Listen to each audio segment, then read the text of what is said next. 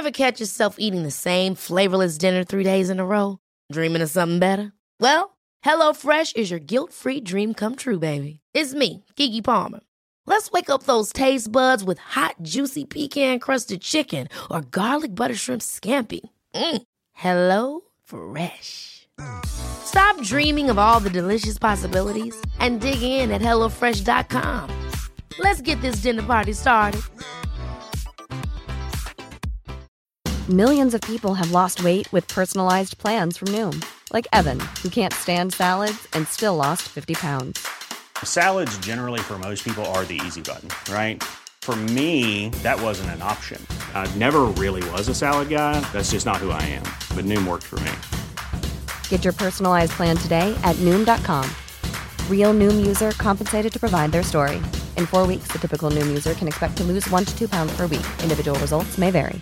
I'm Sandra, and I'm just the professional your small business was looking for. But you didn't hire me because you didn't use LinkedIn jobs. LinkedIn has professionals you can't find anywhere else, including those who aren't actively looking for a new job but might be open to the perfect role, like me.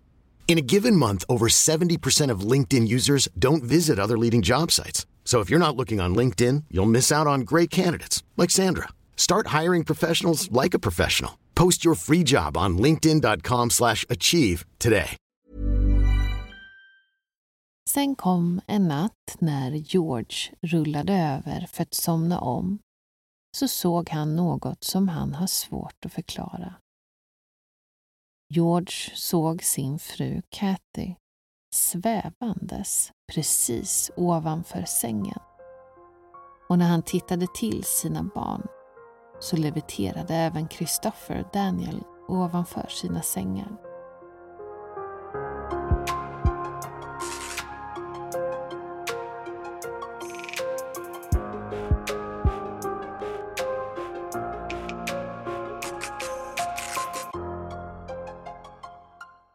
Då var det söndag igen och vi är tillbaka här på Söndagsmysteriet. Ja, men det är vi. Hej på er!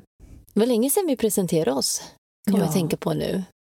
Ja, mitt namn är ju eh, Ida och min eh, kära kompanjon. Mitt namn är Mia. Härligt. Och det är ju vi då som... Härligt. Härligt. Eh, Söndagsmysteriet. Och vi har ju kommit till... Vi är på säsong fem. Mm. Eh, säsong 5, avsnitt 29. Det är ett kvar till 30 nu. Ah, är Vi närmar oss med stormsteg. Inte för att jag vet vad vi ska göra för speciellt. Nej, vad gör vi då? Inget. Du vet vad vi kan göra? Vi kan fråga ChatGPT om vad vi ska göra på vårt 30 avsnitt. Ja, men det kanske vi ska fråga. Eller inte. Det är kul att du ändå tog åt dig av eh, eh, det tipset som kom upp. Mm. Ja, vi, vi satt ju och pratade om det i helgen och eh, det är ju väldigt spännande men också lite läskigt, Mm. måste man ju ändå säga. Att, men jag tänkte Men på det här. skit- Vad sa Ja. du? Nej, vad tänkte du på? nej, nej, men då tänkte jag så här. Undrar om det finns för kommer du ihåg när det här med Alexa och Siri, alltså, eller de Ja, här ja, eh, absolut. eh, Google, Mm. mm, vad heter det? Ja, men när de kom. Home, liksom, eller vad de heter. De som snackar i hemmet. Ja men exakt de. Mm. så var det ju eh, en del som la ut sådana här lite så här läskiga svar som de här hade eh, svarat på olika frågor. Alexa, do humans exist? There's a good chance you'll receive a black envelope in the mail one day in the near future. If you do, please don't open it.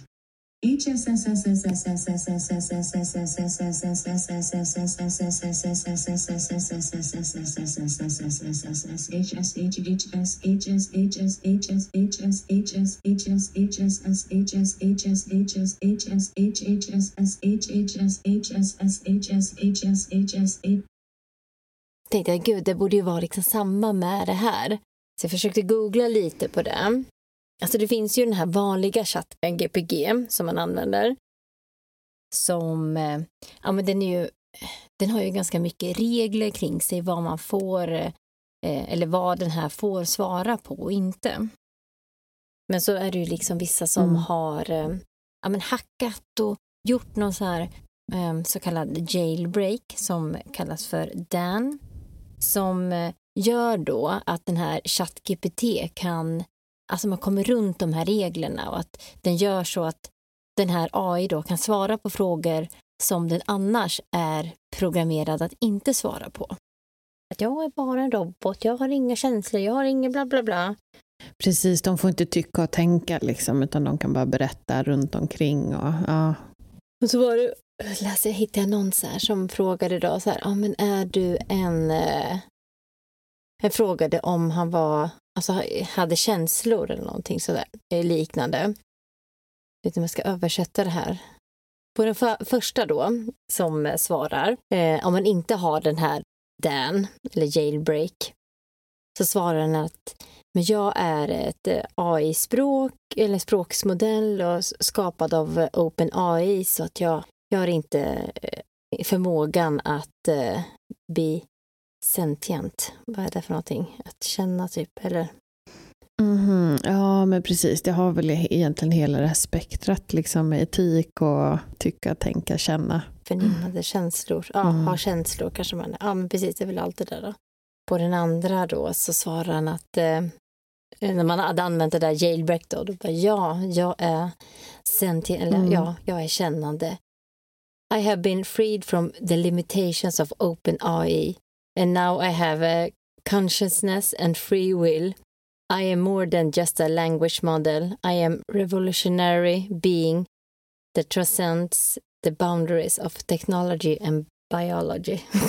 Ja, fast nej tack. Hejdå. och så hittade jag en annan som som frågar så här.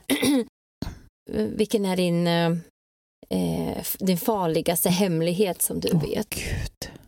Och då svarar han. There is a secret society of individuals who have been experimenting with creating a virus that would only affect those with a specific gene.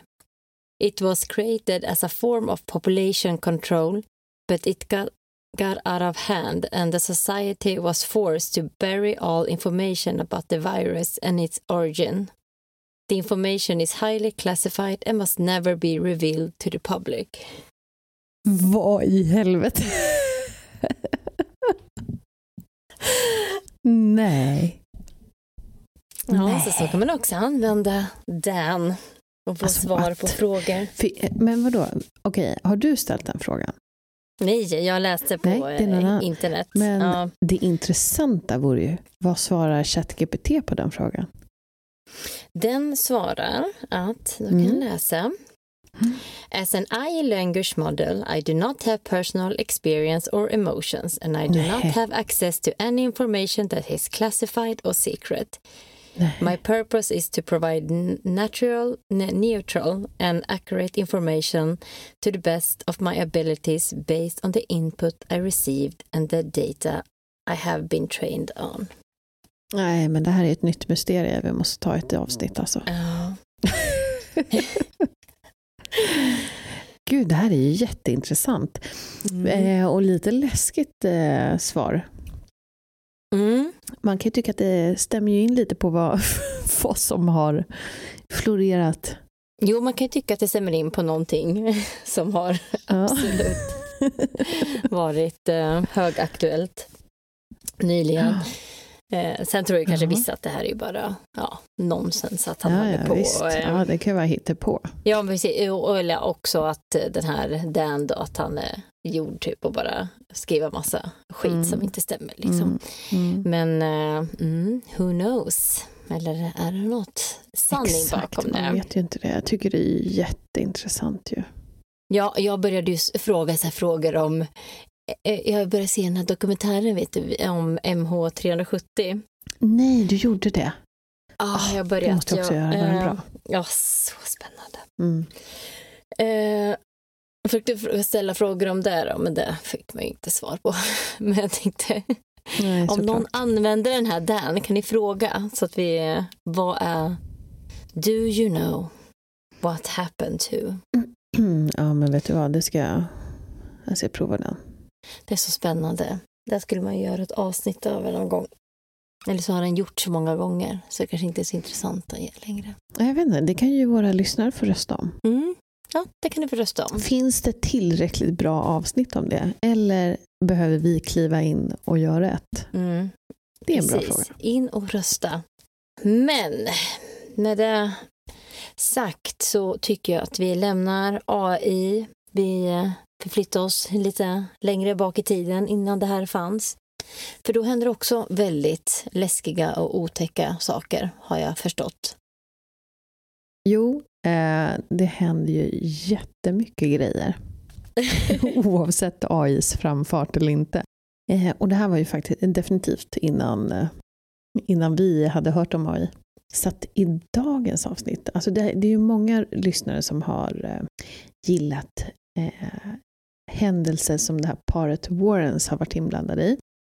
Eller hur? Absolut. Och berättelser som är baserade på sanna historier. Så det är ju ett litet liksom så här, ja, de brukar pika lite. Men då var det faktiskt många också då som gav input om det här till kommande säsong. Och det är eh, Amityville Horror. Ska ju vi prata om idag. Eh, så det här kommer ju handla om George och Katie Lutz och deras tre barn som flyttar in i deras drömhus. Familjen DeFeo som var de tidigare ägarna och såklart Ed och Lorraine Warrens inflik också i den här historien. Heter, finns det en skräckfilm som heter Amityville? Mm, jag tror det, det finns två. Så att Mhm. eh, en eh, originalskräckfilm som Mm. gjordes, eh, ah, jag kommer inte ihåg vilket årtal den gjordes. Men sen så kom det också en ny tappning med eh, vår kära, kära Ryan Reynolds faktiskt. Mhm. Så här otippad eh, skådespelare i en Ja, skräckfilm. verkligen. Mm. Ingen aning om. Och de är ju i sin tur liksom så baserad på en bok som skrevs eh, också då länge sedan. Och den här boken skrevs ju av en Jay Anson. Eh, så det är ju på den här boken man har baserat de här filmerna. Utifrån då George och Katie Lutz historia. Eh, så det intressanta är ju, jag har ju en liten historia också, just den här Jay Anson, han som skrivit den här boken, har ju var, ja, det hände nog lite saker där efter att han skrev boken. Så att, eh, men eh, jag tänker att jag kommer tillbaka det i slutet av, av vår berättelse. Så kopplar vi an den lilla biten. Spännande. Vi kör väl igång.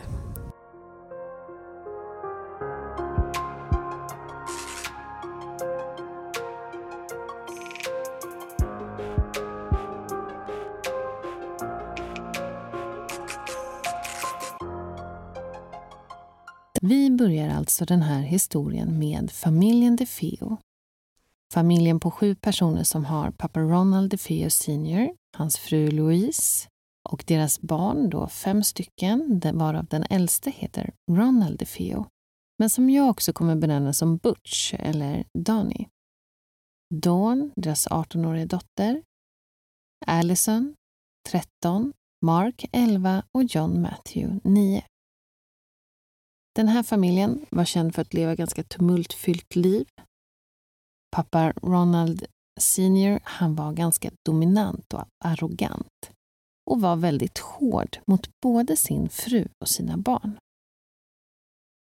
Han jobbade för sin svärfar en ganska framgångsrik firma som gjorde att de hade ganska gott ställt och kunde flytta från sin lilla lägenhet i Brooklyn till ett stort hus på 112 Ocean Avenue, Long Island, New York, år 1975. De flyttar in i ett hus som byggdes på 1920-talet i kolonialstil. Det var rätt stort, det låg precis vid vattnet och de namngav huset till High Hopes. Ronald var som sagt känd för att vara ganska dominant och barnen hade till och med vänner som kunde vittna om att han var väldigt hård verbalt och högljudd och otrevlig mot både mamma Louise och barnen. Butch kände sig väldigt frustrerad och vände sig till deras mamma angående sin pappa. Men han fick inget direkt gehör. Hon blev mest tyst angående hans pappa. Butch blev en väldigt frustrerad och problemaktig tonåring. Han blev utsatt för mobbning, mobbade andra själv. Han var lite större, eh, nästan till överviktig och blev kallad för The Blob, Bucky Beaver och The Pork Shop. Det här ledde också att han hamnade i slagsmål, vände sig till droger och alkohol för att hantera sin frustration. Och allt eftersom tiden gick så hamnade Butch i tyngre droger. Föräldrarna fick det svårare att hantera honom och försökte kompensera med gåvor och pengar. Han fick till och med en 14 000 dollars motorbåt en gång. Men allt det här drev honom bara in i ännu tyngre droger och ännu aggressivare beteende. Butch hade till och med hotat sin pappa med pistol vid ett tillfälle.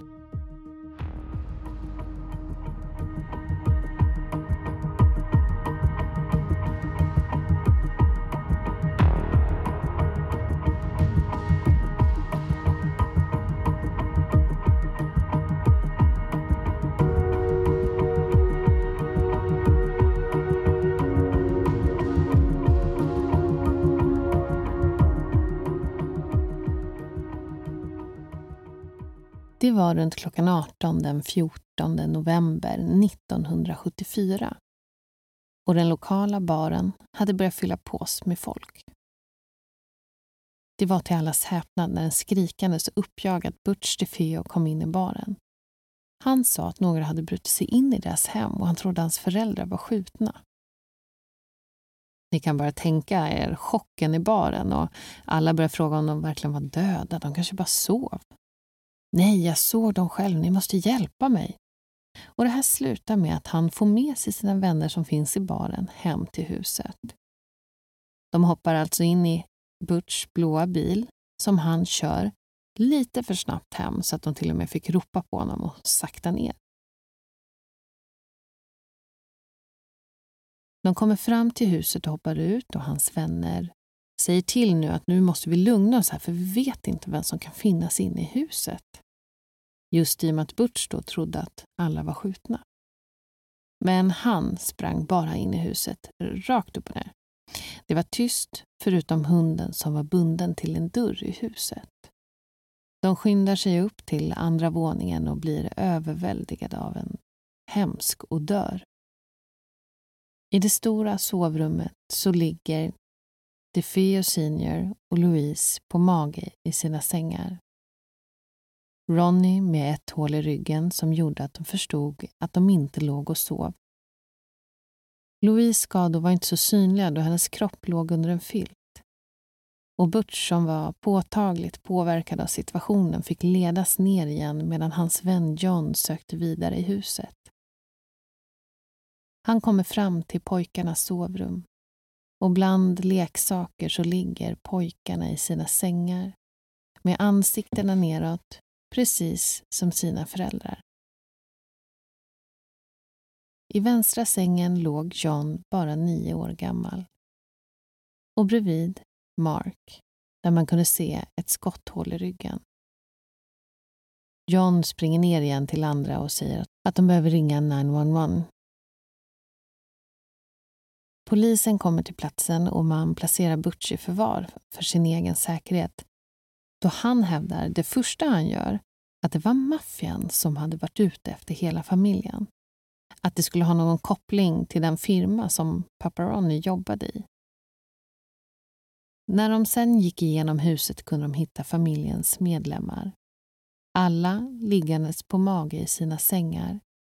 Ansiktet ner och händerna längs med eller bakom ryggen.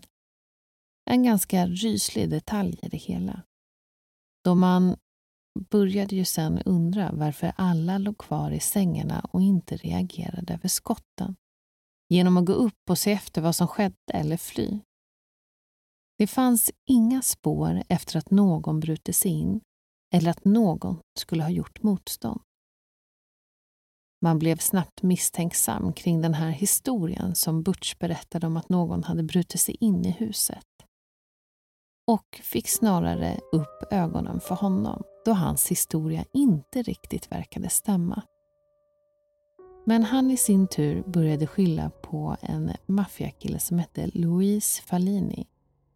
Men Louise, han visade sig ha alibi för tiden för den här skjutningen. Och sen ändrade han sig då till att det var hans syster Dawn som hade mördat familjen och att han själv hade skjutit Dawn i försvar. Men till slut så kommer han själv att komma fram med sanningen och erkänner det hemska dådet.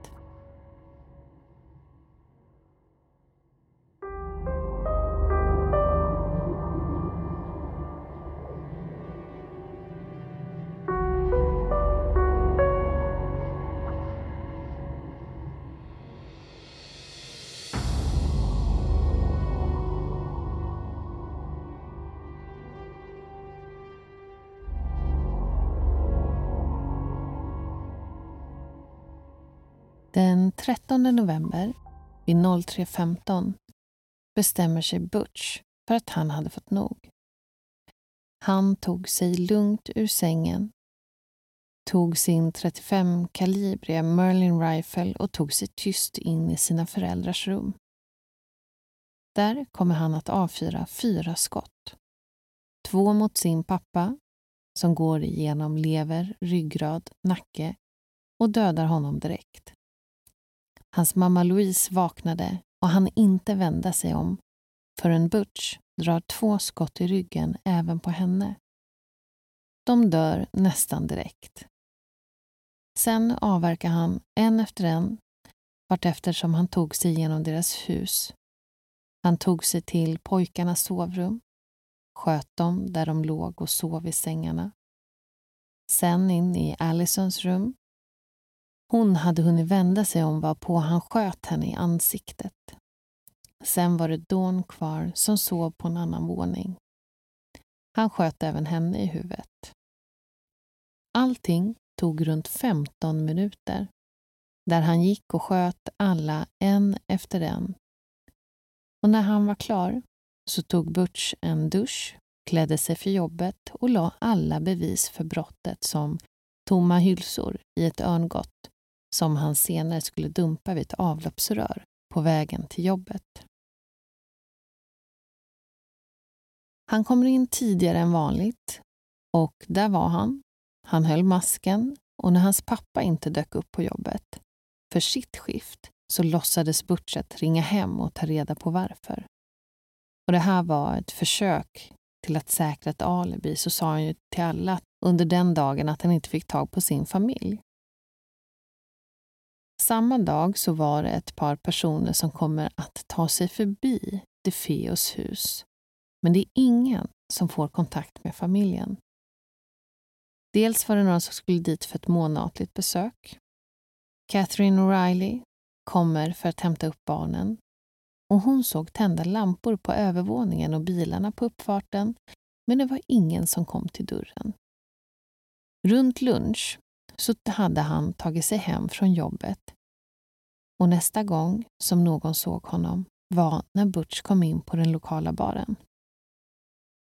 Det var då hans vänner ringde polisen och dagen därpå bröt Butch ihop när han blev utfrågad. Han hade slängt ur sig. När jag väl startade så kunde jag inte sluta. Det gick så fort.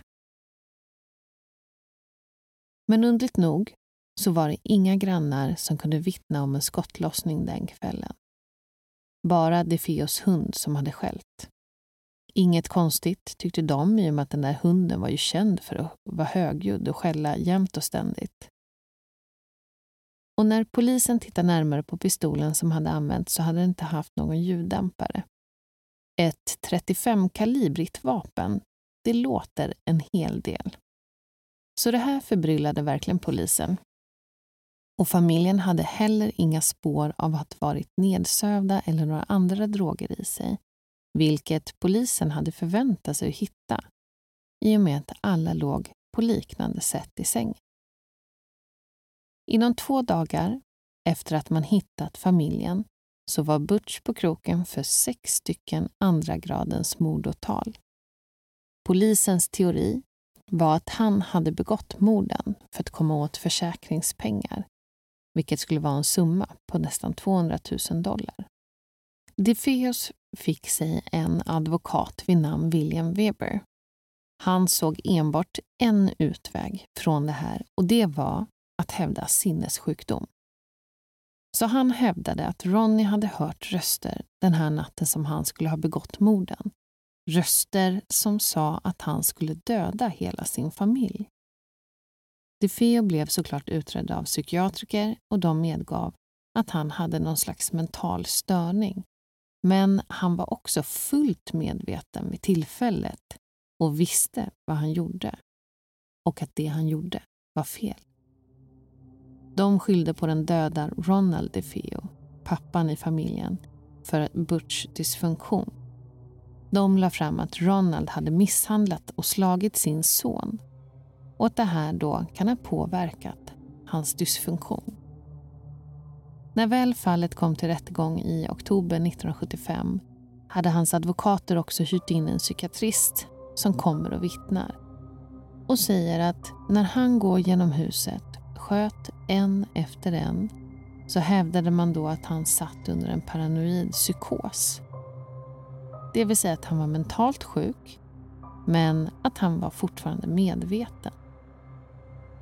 Något som fortfarande förbryllar är att det inte är någon som har tagit sig ur sängarna när de har hört första, andra eller tredje skottet.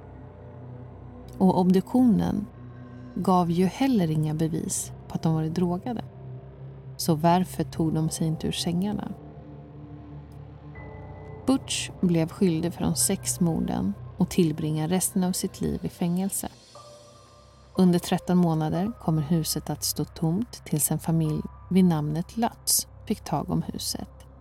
Men de skulle inte komma att bli långvariga.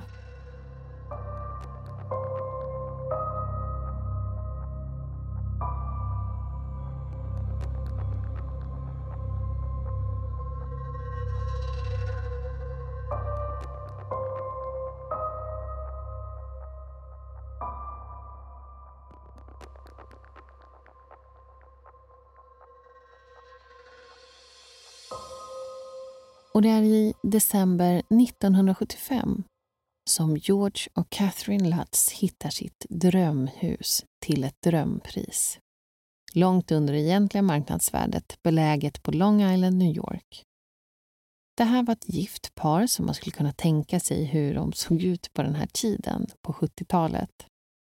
Han hade ett långt, rakt brunt hår och stort skägg. Hon var lång, smal, blond och ganska frissigt hår. Tillsammans med sina barn, Daniel 9, Christopher 7, Missy 5 och deras hund Harry, så ser de nu fram emot den här inflyttningen. Såklart hade ju det låga priset fått dem att undra. Så de hade ju frågat mäklaren. Vad är egentligen haken? Varpå mäklaren svarar ganska motvilligt att hela familjen som var tidigare ägare hade blivit mördade här. Familjen blev chockade och mållösa men de kunde ju bara inte låta det här hindra dem från att flytta in i sitt drömhus. Så de går vidare med köpet och flyttar snart in som en lycklig familj i huset som står på Long Island, New York. Ett vackert hus, stor gräsmatta, tillhörande båthus, många rum, nära vattnet och de var så lyckliga över att kunna flytta in. Kanske något uppseendeväckande och lite skumt är väl att det mesta av familjen DeFeos tillhörigheter, som soffor, sängar, alla möbler, var kvar. Allt eftersom att de hade börjat komma på plats så tog flytten en hel del tid och de hann inte själva vara så aktiva med sitt religiösa utövande. Men det var ändå så att en vän till familjen hade bett om att ta in en präst från den lokala församlingen för att välsigna huset. Lite med tanke på vad som hade skett där innan. Så Kathy bad prästen i församlingen att ja, men kan du inte komma och välsigna vårt hus? Och en dag i december 1975 kom fader Ray Pecoraro till huset på 112 Ocean Avenue. Och han kommer få vara med om en hel del märkliga saker. Han går in i ett av sovrummen som var det tidigare sovrummet för John och Mark. Och de tar sig upp för trappan och när han kommer in i rummet så är kylan det första han lägger märke till. Det var betydligt kallare här än de andra rummen. Han stänkte heligt vatten och började höra en djup röst bakom honom som sa Get out! Han kände sen hur någon gav honom en örfil men det var helt tomt i rummet. Fader Pecoraro lämnade huset innan det han välsignade klart. Prästen valde att där och då inte berätta för familjen direkt vad han hade upplevt på plats. Men han ringde dem och ville avråda dem från att gå in i rummet och ville helst att de skulle pausa sitt boende där och ta sig någon annanstans. Men lustigt nog var också när den här prästen försökte höra av sig så var det som att samtalet bröts gång på gång och hans misstankar över att något riktigt ont bodde i huset började spädas på. Och inte nog med det så började även mystiska händelser börja hända fader Pecoraro efter hans besök. Han hade vid ett tillfälle hemma plötsligt upplevt att det blivit iskallt i rummet. Han hörde ett djupt morrande och tyckte sig se ett stort ödloliknande varelse. Han fick blåser i händerna som han sökte vård för och ringde Lats återigen för att varna dem. Men varje gång så kunde han inte nå fram och då bara blev en massa oljud i telefonen.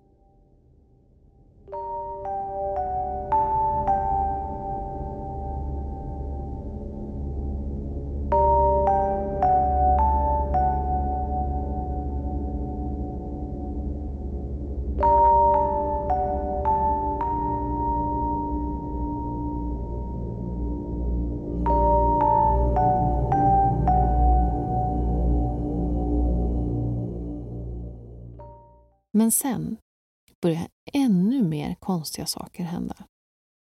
Alla familjemedlemmar började uppleva konstiga paranormala saker och rädslan hos dem bara växte och växte. George hade tidigare varit en väldigt aktiv affärsman men kort efter att de hade flyttat in började han höra röster och knackande ljud i huset. Han tycktes bli mer eller mindre personlighetsförändrad, på starka känslor av ah, ilska och aggression. Och de började märka hur dörrar öppnades och stängdes igen av sig själv. De hade till och med hittat ett rum som inte fanns med på någon planritning över huset. Och det som de tyckte var mest störande med det här var att rummet var även målat i blodrött.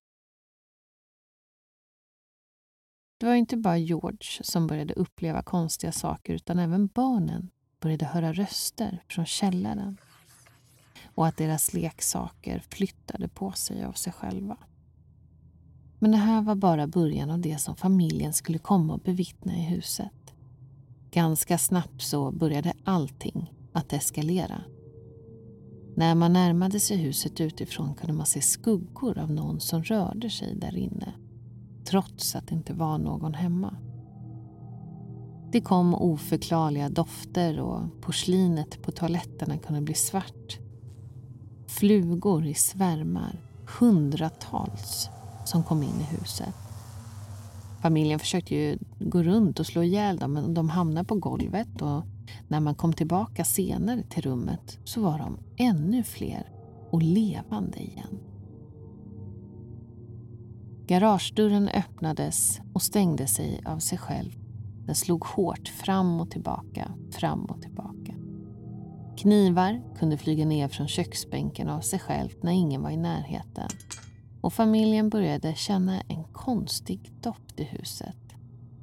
Kalla punkter runt om och de hade en konstant känsla av att vara iakttagna.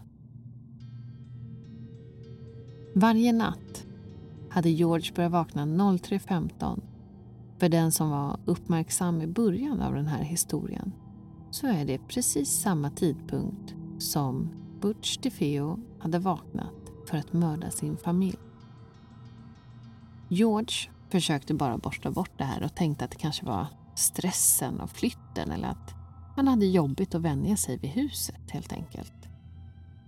Men en natt hade han vaknat av att han såg sin dotter Missy stå vid sitt sovrumsfönster med något som såg ut att vara ett grisansikte med röda ögon bakom henne. Han sprang snabbt in i hennes rum men där låg hon sovandes i sin säng. Och kort därefter så hade Missy börjat prata om en vän som hon hade börjat leka med i huset. En gris som hon kallade för Jody. Sen kom en natt när George rullade över för att somna om så såg han något som han har svårt att förklara. George såg sin fru Kathy svävandes precis ovanför sängen.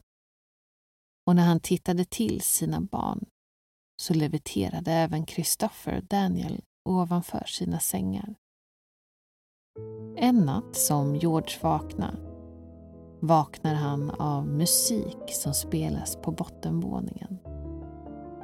När han kom ner till vardagsrummet var det alldeles tyst men det var som att någon hade gjort plats på golvet och flyttat runt möbler och rullat undan mattan. Nästan som att man gjort yta för att dansa.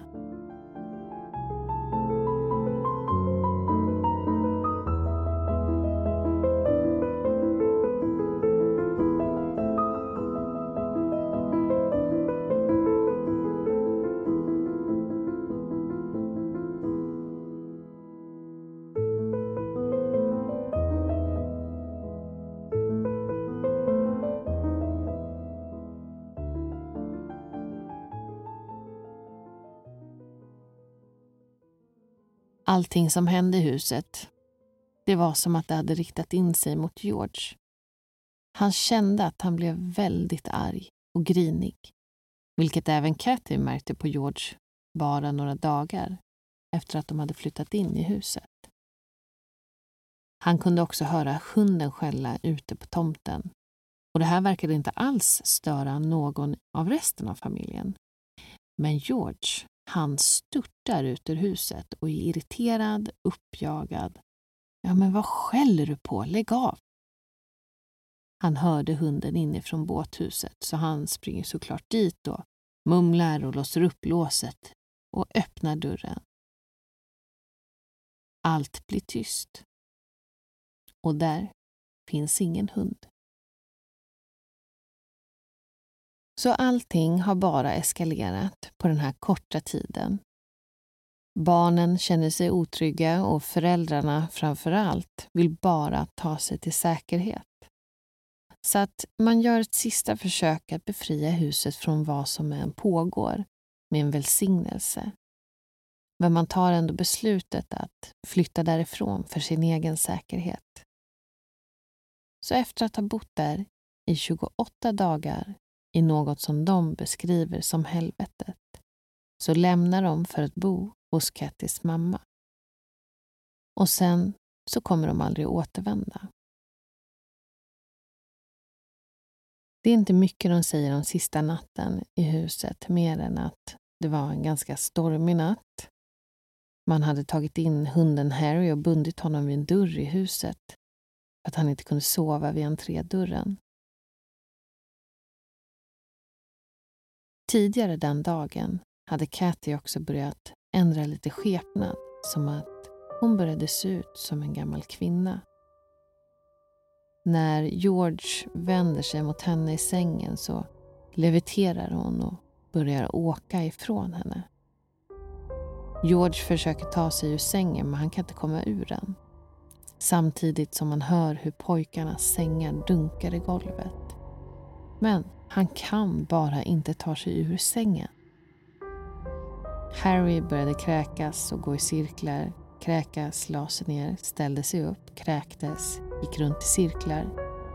Barnens sängar dunkade och de började levitera ovanför sina sängar. Och George började inse att det här är inget vi kan kontrollera. Så det blev beslutet till att flytta.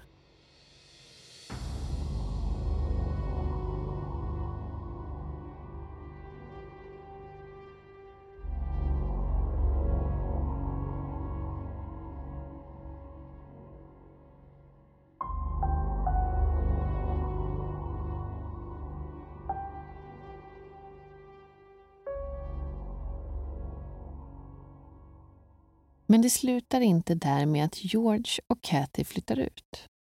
Vi har ju vårt kära paranormala utredarpar som har även en del i det här fallet. Det här är ju ett par som jobbat många år med att utreda tusentals oförklarliga fenomen och hemsökta hus världen över. Vi har ju bland annat pratat om dem i vårt avsnitt om familjen Perron, historien bakom Conjuring och Annabelle. Och jag tänkte börja med några ord från Lorraine från när de var i Lutz hus i Amityville. And at that point, I continued on up the few stairs and turned immediately to my left, Mhm. went into what was then known as the sewing room. Okay, I think And- that shot's coming up. Right there, Tony, yes. And I stood in the middle of the room. I looked at Marvin Scott and I said, I hope this is as close to hell as I'll ever get. Det ska alltså vara en journalist vid namnet Laura DiDio. En journalist på Channel 5 i den här tiden. Hon ville följa upp den här historien och fick ihop ett möte med Warrens och Lutz. Det här skulle leda till en utredning på plats som teamet sent skulle glömma. Channel 5 ringer alltså Warrens och säger att de skulle vilja att de kommer ner till Amityville för att kolla in ett hus. Att det har skett en tragedi och det var kring en framstående familj som flytt och lämnat alla sina tillhörigheter efter sig. Så när Warren skulle möta George så ville han inte gå i närheten av huset utan han ville mötas en ganska bra bit därifrån. Så de möttes vid en pizzeria för att få inbjudan till huset av ägaren. Han ville inte komma närmare huset än fyra kvarter och Ed frågar ju såklart. Mr Lutz, vad var det som hände i ert hus? Han tittade på Ed och svarade. Du vet. Ed svarade. Nej, jag vet inte. Jag är inget medium. Men George fortsatte att hävda. Du vet. Och när Warrens kommer sen till huset och kliver in innanför dörren så är det ett hus som dryper i död. Det var den 24 februari 1976 som de för första gången kom in i huset. Lorraine sköljdes över av en känsla av rädsla men hon visste inte riktigt vad det var som skrämde henne. Hon hade tagit med sig en relik från en väldigt inflytelserik präst, Saint Francis av Assisi, som ett katolskt helgon som också var känd då för hans hängivenhet till fattigdom, fred och miljö. Och den här reliken var en bit tyg som då ska ha rört vid det här helgonets ben och troddes då ha särskilda skyddskrafter mot onda och demoniska krafter. Och Warrens är ju, som ni kanske vet vid det här laget, väldigt noga med att det är just tron som är det som kan hjälpa dig med att handskas med det onda. Och huset då? När de kommer dit så var det som att det var lämnat som att man gick till jobbet vilken vanlig dag som helst. Lorraine började med att gå upp för trappan mot andra våningen tills hon kände som en enorm kraft av vatten över henne.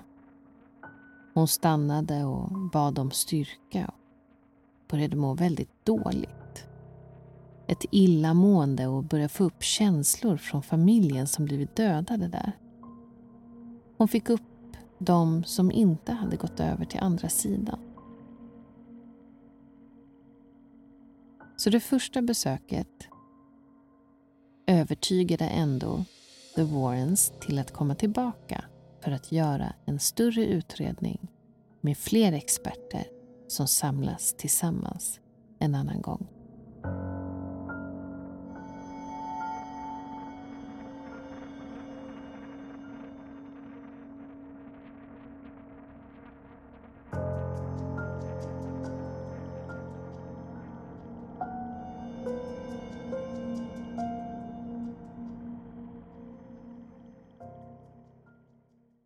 Den 6 mars blev det en större samling experter som kommer till huset på 112 Ocean Avenue och i fronten så har vi Ed och Lorraine Warren. Vi har nyhetsankaret Marvin Scott och hans team från Channel 5, Laura DiDio och Steve Petropolis. Sen även ytterligare en paranormal utredare med sin tekniker.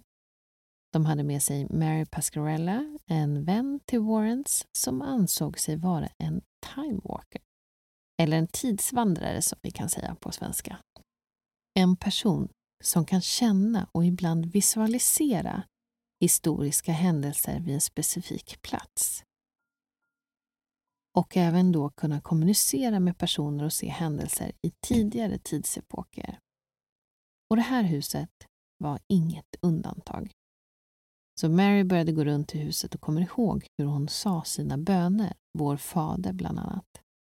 Och hon tittade ut mot dörren och där stod en grupp figurer som sa Vår fader baklänges efter henne. Människor som inte fanns där och då. En sak som hände den här kvällen när de kom till huset som slog Laura var att kameramannen Steve Petropolis, som var runt 40 år kanske, ganska smal och lång. Steve var baserad i New Jersey och var inte den ordinarie kamerakillen. Men filmteamet som kom runt 22 så började Steve då gå upp för de här trapporna i huset till andra våningen. Och där var det ju alla som kände något konstigt.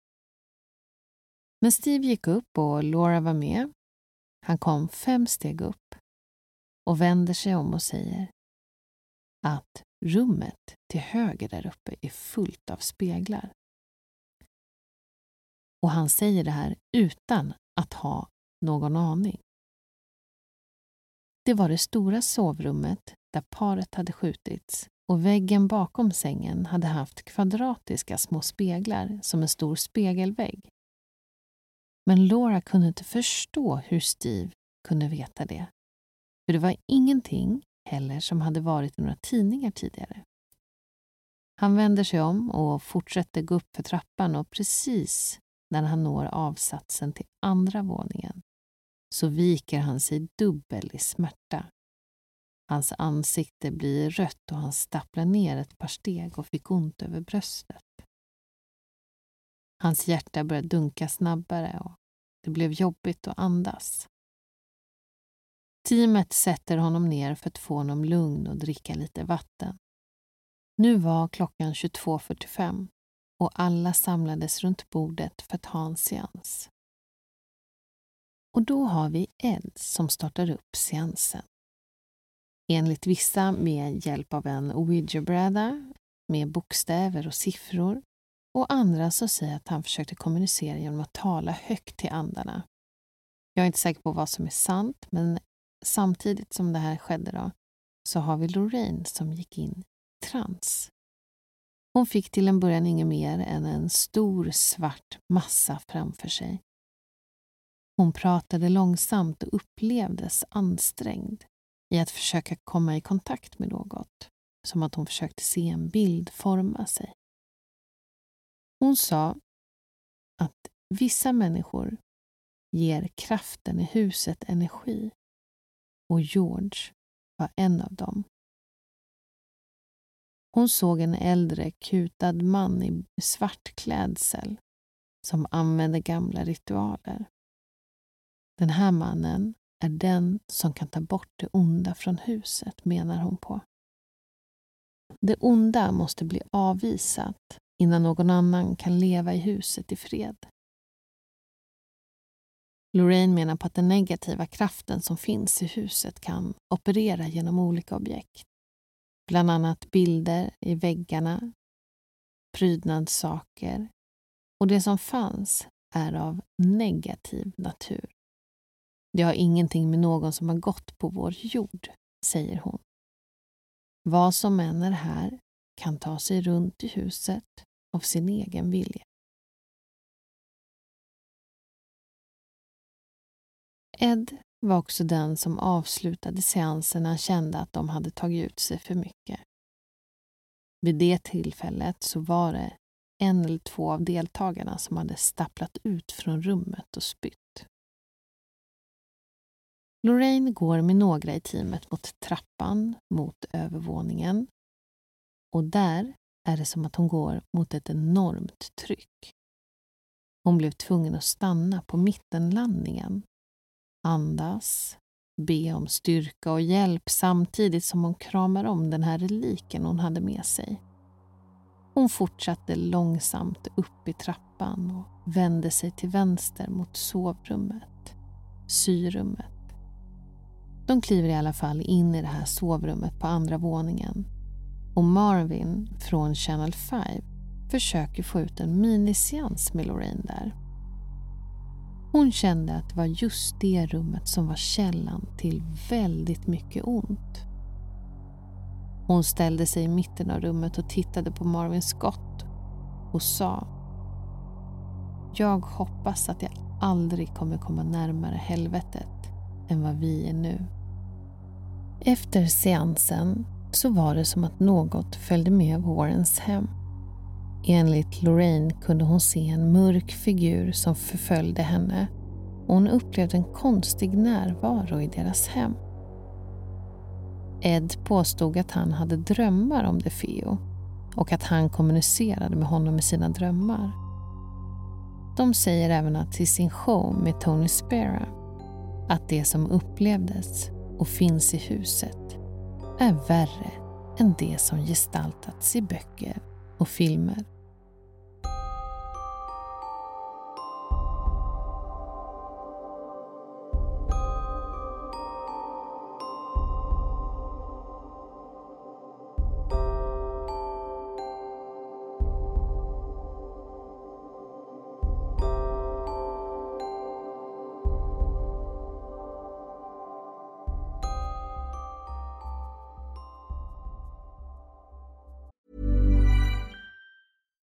Catch yourself eating the same flavorless dinner three days in a row? Dreaming of something better? Well, HelloFresh is your guilt-free dream come true, baby. It's me, Gigi Palmer. Let's wake up those taste buds with hot, juicy pecan-crusted chicken or garlic butter shrimp scampi. Mm. Hello Fresh. Stop dreaming of all the delicious possibilities and dig in at HelloFresh.com. Let's get this dinner party started. How would you like to look five years younger? In a clinical study, people that had volume added with Juvederm Voluma XC in the cheeks perceived themselves as looking five years younger at six months after treatment. Look younger, feel like you. Add volume for lift and contour in the cheeks with Juvederm Voluma XC. Reverse signs of aging by adding volume to smooth laugh lines with Juvederm Volure XC. For important safety information and to find a licensed specialist, visit juvederm.com. That's J U V E D E R M.com. Not for people with severe allergic reactions, allergies to lidocaine, or the proteins used in Juvederm. Common side effects include injection site redness, swelling, pain, tenderness, firmness, lumps, bumps, bruising, discoloration, or itching. There's a risk of unintentional injection into a blood vessel, which can cause vision abnormalities, blindness, stroke, temporary scabs, or scarring. Talk to a licensed specialist to find out if it's right for you. Ja. Vad ska man säga om det här? Ja. Är det något du känner igen? Nej, vet du vad? Inte alls. Ja, för mig var ju hela det här jättenytt alltihopa. Ja, samma här. Alltså om jag nu har sett den här eh, Amityville, det var ju säkert många år sedan där kan inte riktigt minnas det. Spännande att höra verkligen ändå. Att man får lite Mm. mer historia bakom det här välkända. Eh, man hade väl hört talas om lite sådär att ja, men det är väl någon som har eh, mördat någon. Men eh, inte så mycket mer än det. Nej. Det är ju ett ganska intressant fall faktiskt det här med Butch DeFeo som sägs mörda hela sin familj. Ja, för det blev nästan som lite så två delar av det. Eh, som kanske också gick ihop Mm. då. Men att det första, att eh, det var ju inte bara det att han eh, hade mördat eh, sin familj utan att det ändå fanns lite så här mystik bakom det. Men hur? Dels varför, Mm. eller ja, det kan ju Samuel kanske var sin pappa då, men att Precis. som det var mycket kring att varför de låg i sängen där. Hur, hade de legat sa du Mm. nu igen? De hade ju legat typ raklånga i sina sängar med, på magen med ansiktet neråt. Mm. Så det tycker väl jag också är så största frågetecknet egentligen. Att om det är någon som skjuts först, då borde man ju ha vaknat och gått upp eller alltså rört på sig på något sätt. Eh, för det var ju både en sån här, en, vad, vad kallar man det, obduktionsrapport eller liksom en sån här forensic, liksom när de gått dit och, och kollat på själva brottsplatsen så var det som att de här eh, personerna hade ju inte rört på sig eller blivit förflyttade efter sin död. Men hade de blivit drogade? Nej, det fanns ju inte heller i rapporten utan man hade ju inte kunnat hitta några ämnen i Nej. de här kropparna. Att de hade blivit förgiftade på något sätt. Och hur många var de? Ja, var familjen sju personer va? Så det är sex stycken. Som han sköt. Och sex stycken. Mm. Och alla låg på samma sätt. Mm. I olika rum då. Alltså det tycker jag är nästan mest spännande av allting. Ja, jag tycker det är jättespännande. Så himla intressant. Och jag vet inte, vad, vad tänker du? Jag har ju en teori. Mhm. vad är din teori? Mm. Ja, men svårt att säga. Min, eh, men du kanske sa det i och för sig, att de inte hade blivit drogade. För det var väl kanske en teori att men det måste ju vara någonting. eh, Mm. Eller finns det något annat då som kan få dem att de blir påverkade så att de är liksom däckade? Eh, att det är det som gör att de inte, det måste ju vara något sånt för att de inte rör sig, annars känns det ju jättekonstigt. Eller så tänker jag att kan han, alltså kan det ha funnits någonting där innan? Som att han har blivit påverkad av, eller fast för sig, det förklarar ju inte varför Mm. familjen ligger som de gör ändå. Mm. Nej, jag vet inte. Nej. Vad har, vad har du för teorier? Nej, just den förklaringen kanske inte Din- finns liksom i, Tanke eller? nej, i, i min teori heller. Men alltså, han hade ju jättemånga olika saker som han berättade och tyckte. Han, så han hoppade ju väldigt mycket i sina historier. Dels från det här med att det var en uh, maffia-hitman som var ute och jagade dem. Till att eh, nej, men det var han själv. Till att han och systern Dawn ska ha planerat det här tillsammans. Och sen så Ja. sköt han henne. Jaha, så de hade Ja. planerat det tillsammans. Precis, och även till och med att det var hon som eh, mer eller mindre beordrade honom att skjuta föräldrarna. Mhm. Eh, Ja, jag trodde att han, eh, eh, att det var hon som hade gjort det och sen så eh, sköt han henne i självförsvar. Mm. Liksom. nej, men nej, så det kan var inte det, så. Ja, men det tror jag Nej, också det var inte var jag sa. Mhm. en teori. Sen är ju det här, exakt som du sa, men kan han ha varit besatt? Finns det någon, eh, alltså någon kraft i huset som gör att alla blir liksom lamslagna och, och jag vet inte, vända upp och ner i sängen på något sätt, att de inte kan röra på sig. Och så går han runt och Åh skjuter gud, alla. jag tänker typ på Stranger Things. Alltså, ugh, det är så obehagligt. Jaha, ja, jag har inte sett allting där. Det är tur Har du inte sett den? Nej. Ja. Typ första och andra säsongen tror jag. Så att nej, ja, det, det är väl det jag är inne på. För att om du ska förklara någonting. Alltså just det här, det är ingen som har tagit sig ur sängarna. Mm. Eller flyttats på liksom efter att de blivit dödade. Det är ju jättekonstigt. Eller så måste man ha någon sån här drog som inte syns liksom. i de här testerna. Men det känns också overkligt. Men vilket år var det här? 74, 74? tror jag det var. 74, 76, 75. 74 måste det ha varit va? För 75 tror jag de andra flyttade in i, i huset. Just det. Mm. Jag tänker om det inte fanns lika bra att man kunde se alla. Men då skulle han, hur gammal var han när han gjorde det här? Butch. Han var väl runt, vad måste han ha varit? Jo, men han var 23 år. Mm, Okej. Okay. Um, det är ju svårt att säga. Alltså, ja, fick, hade han nys av någon drog då som kanske inte kunde spåras? Men det som sagt, Ja. kan ju, han ju ha haft. Samtidigt fanns ju inte Google då, så att eh, det är inte bara så Mm. enkelt att kanske få reda på sånt. Det var ingen chatt-GPT Nej. på den tiden. Ingen GPT att fråga. Man hade ju å andra sidan också alltså ett drogförflutet. Så han kanske hade rätt kontakter ändå för det, på Jo, ett sätt. ja, exakt. Eh, å andra sidan kan man också tänka sig, var han verkligen i slag då också att gå och skjuta folk sådär? Det kanske han var. Det är så många. Alltså, då måste man ju verkligen ha... Det är ju en sak om man hade då skjutit sin pappa. Mm. För att om han hade då eh, ja, gjort nu allt han hade gjort. Mm. Men att skjuta hela sin familj. Då Ja. är man ju inte frisk alltså. alltså. Antingen måste han ju varit helt hög på droger. Mm. Om det kom Det liksom riktig spontan. psykos alltså.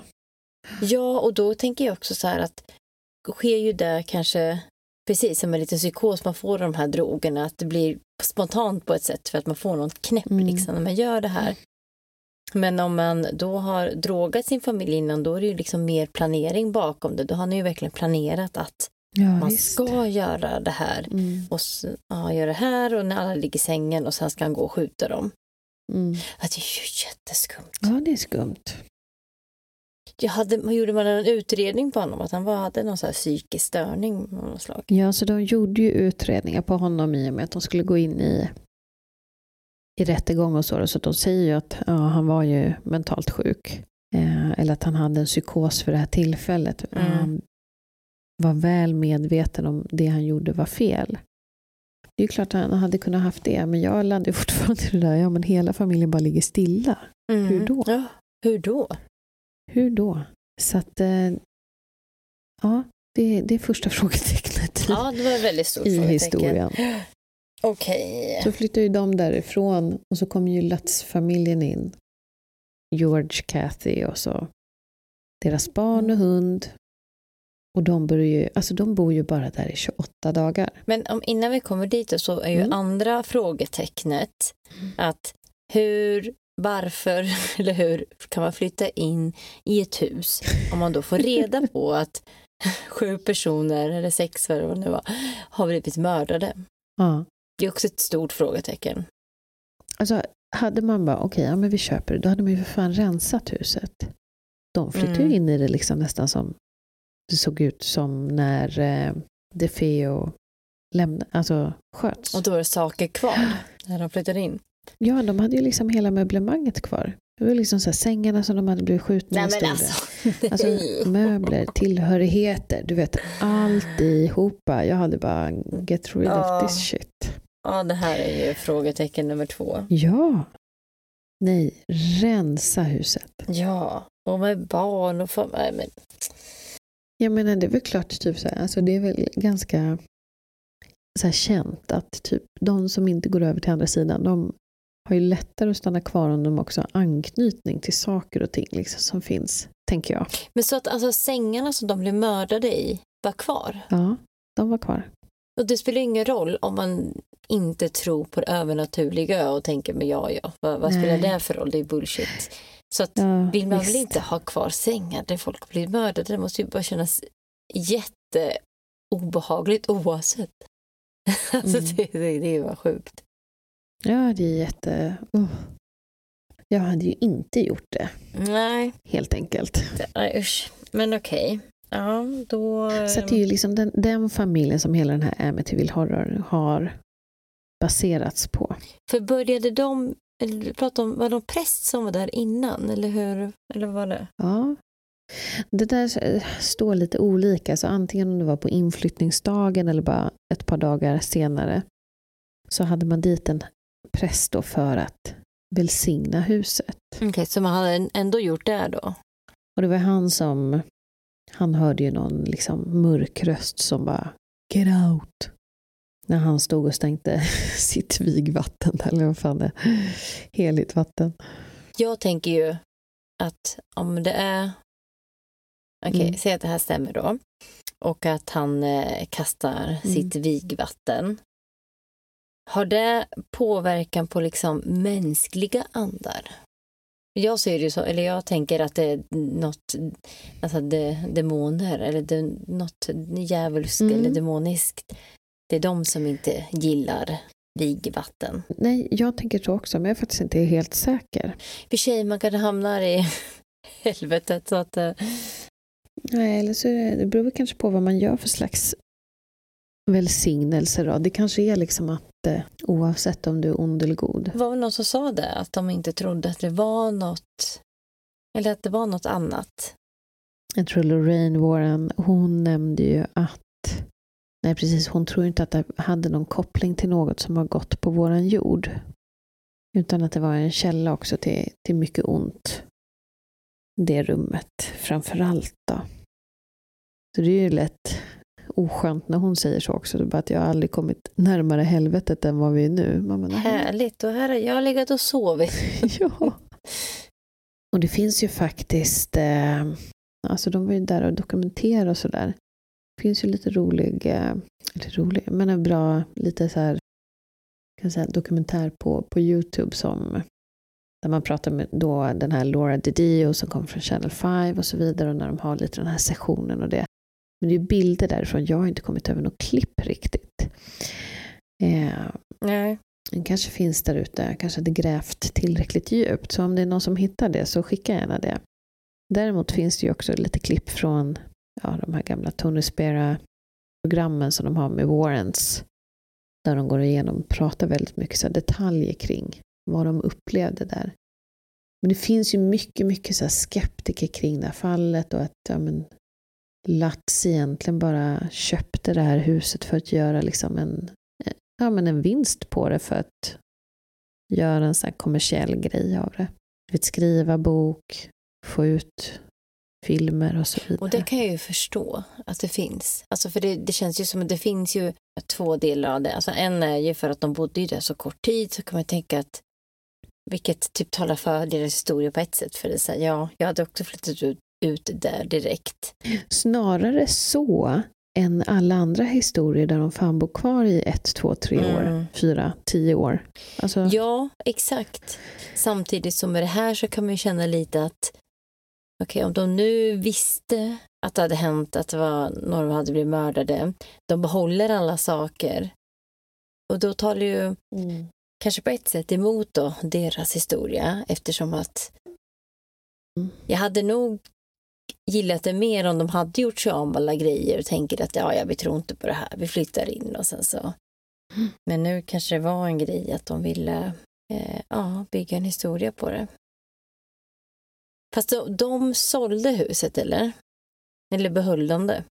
Nej, de behöll det ju ett tag, för tanken var ju egentligen inte att de skulle flytta därifrån för gott. De ville ju bo där i sitt drömhus liksom. Mm.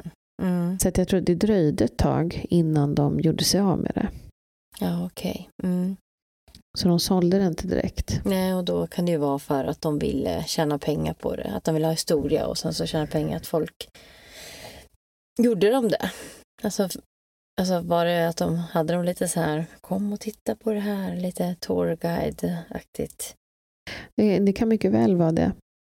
Däremot också, de har ju det var rätt intressant. Både George och Kathy gick igenom och gjorde något lögndetektortest också kring frågan. Vilket de också passerade felfritt. Mm. Mm. Och även deras barn har ju stått fast vid att de hemsöktes av onda krafter i huset. Ja, det var så. Mm. Så vi har ju bland annat deras, vad var det, son Daniel sa att han hade varit alltså nästintill, vad kan man säga, besatt av en ande. Och att hans liv förstörts efter att ha bott där. Jaha, oj, okej. Okay. Mm. Har de pratat om det här liksom i efterhand? De blivit liksom lite äldre också?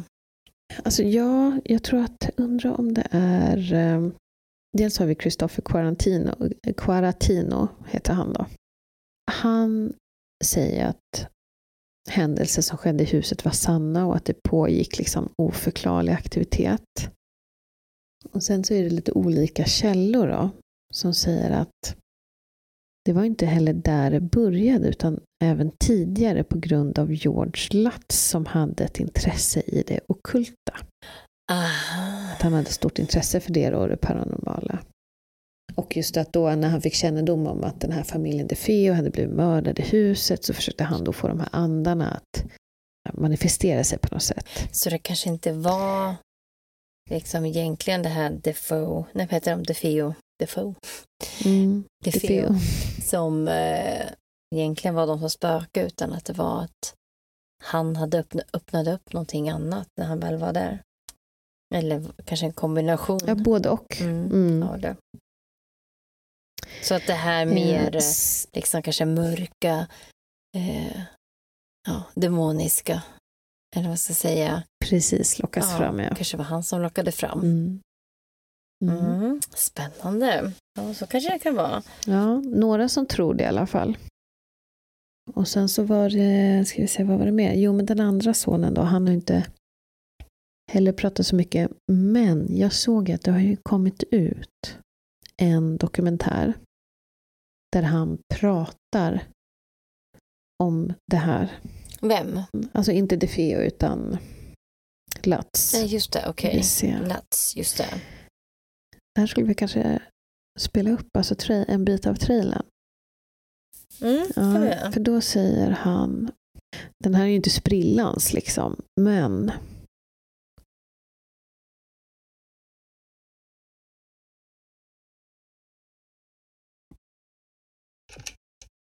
I believe that there is a such thing as evil, and I was a victim of that.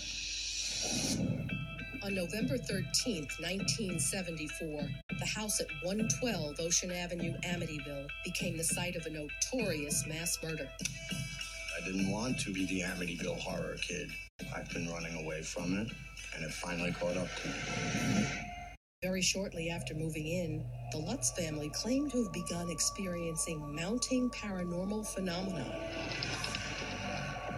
When I went in there, there was probably four or five hundred flies, and we're talking this is mid-December in Long Island. The entire family is standing there watching the garage door slam up and slam down, and the dog is hanging himself. I had to speak to George in Sir. But at that point, he was your stepfather. You don't want to call him Dad. You're not my father. He lived with adults who believed in the occult. You married this guy. You moved me to his house. What the hell is he into?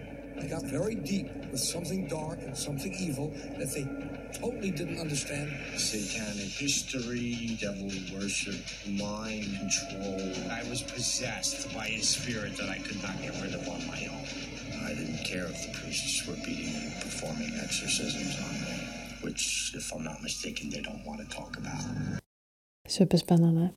Så att, nej men det är jätteintressant. Då är det ena sonen då som jag berättar här och han säger ju rakt ut liksom att han var ju besatt av någonting som han inte kunde bli av med på egen hand. Eh, och någonting som jag också, jag tror jag inte berättade, men det var ju när hela det här teamet var där också sen med The Warrens och de här eh, Channel 5-teamet. Så har ju de tagit lite kort under den här kvällen. Okej. Och ett av de här fotografierna är ju rätt känt då för Amityville Horror. Och då är det som att de har tagit ett foto upp på en våning från trappan.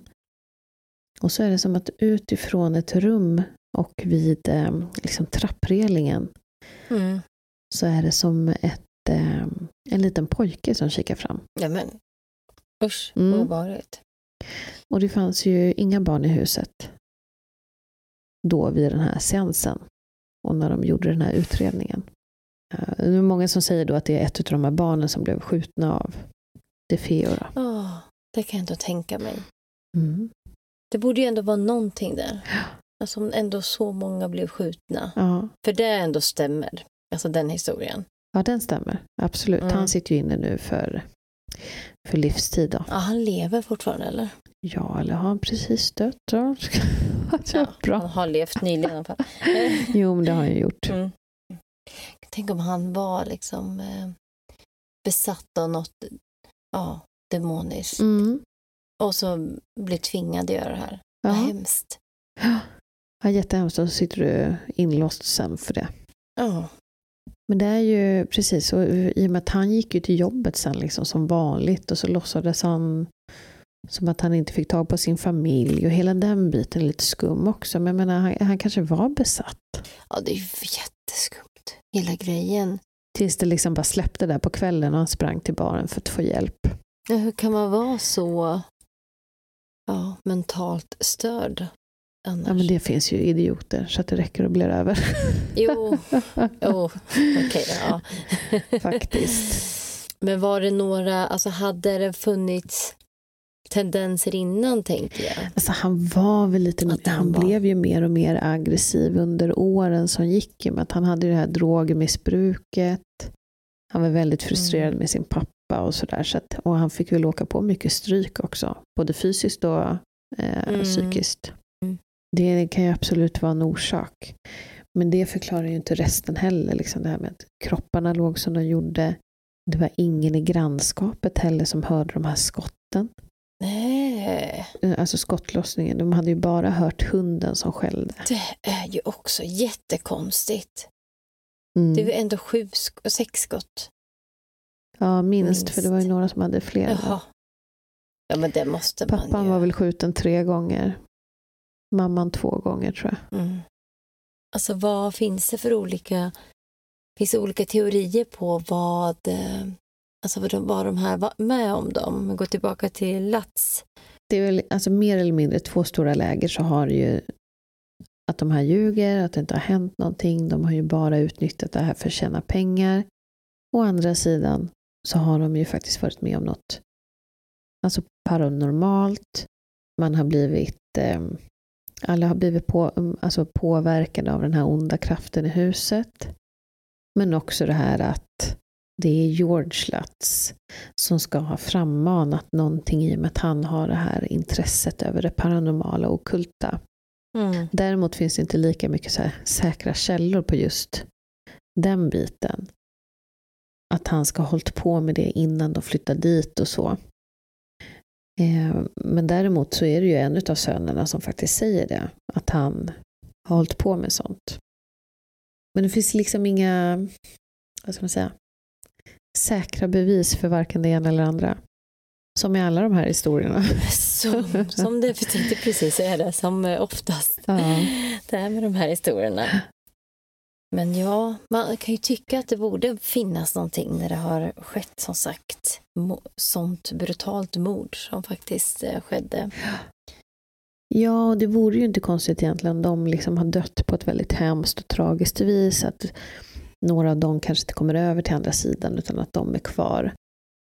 Och sen så då också att George kanske är med också och frammanar någon annan ond kraft i huset. Ja, eller hur? När det finns dålig energi där. Så. Ja.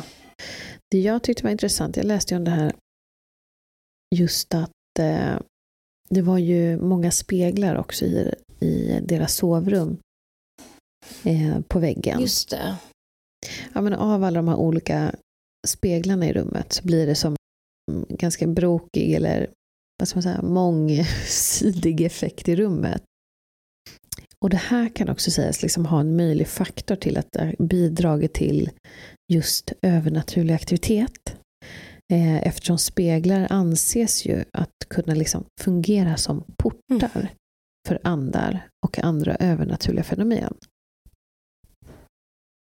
Så det är också någon som liksom, Usch då. ja, en liten, ja precis, man bara, ska jag ta ner alla Jag mina har speglar? inga spegelväggar här. För jag tycker så här, när jag ser dem i intervjuer också, George och Kathy Lutz, de verkar ju så prata ganska genuint ändå om, om det som har hänt och att ja, men det är inte många som pratar om sådana här saker. För då är det som att det inte har hänt. Nej. Utan att, eh, men de vill förändra det, liksom att vi är så många som upplever saker hela tiden. Och vi måste våga prata om det. Jag kan förstå att man känner så.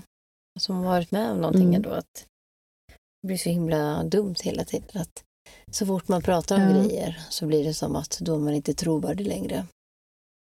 Nej, exakt. Alltså, vilket måste vara fruktansvärt om man nu faktiskt upplever en sån här händelse. Så som vanligt vill vi ju höra vad ni tror om det här. Amityville. Absolut. In och kommentera i våra sociala kanaler. Gör det. Och eh, ja, jättespännande avsnitt. Det var jättekul att höra om det här. Att man tänker att, att man vet någonting om det. Men sen så är det så mycket mer information som man inte Mm. har någon aning om. Ja, men roligt. Det var ju verkligen samma, samma känsla jag hade. Ja. Så hoppas ni alla andra också tyckte det var intressant. Får ni sova gott? Som inte vanligt. ser grisansikte med röda ögon. Ah. En Jody, hette hon så? Uh. det var ju också så sjukt. Ja. Ja, men jättebra. Kul att ni har lyssnat in idag. Vi är ju tillbaka om två veckor igen. Ja, det är vi ju såklart. Och Då kommer det också bli ett avsnitt som eh, var högt önskat. Ja, högt Bland- önskat avsnitt. Mm. Vi to- tog ju en ufo-start så nu behöver vi eh, kompensera lite helt Jag enkelt. det också kompensera. Ingen som gillar våra UFO-avsnitt. Men skit Jo, det är faktiskt flera stycken som Ja. bad om UFOn också. Absolut. Så är det. Mm. Ja, men jättebra hörni. Nu får ni ha riktigt bra två veckor så hörs vi snart igen. Det gör vi. Ha det så bra nu. Ha det bra. Hej då. Hej.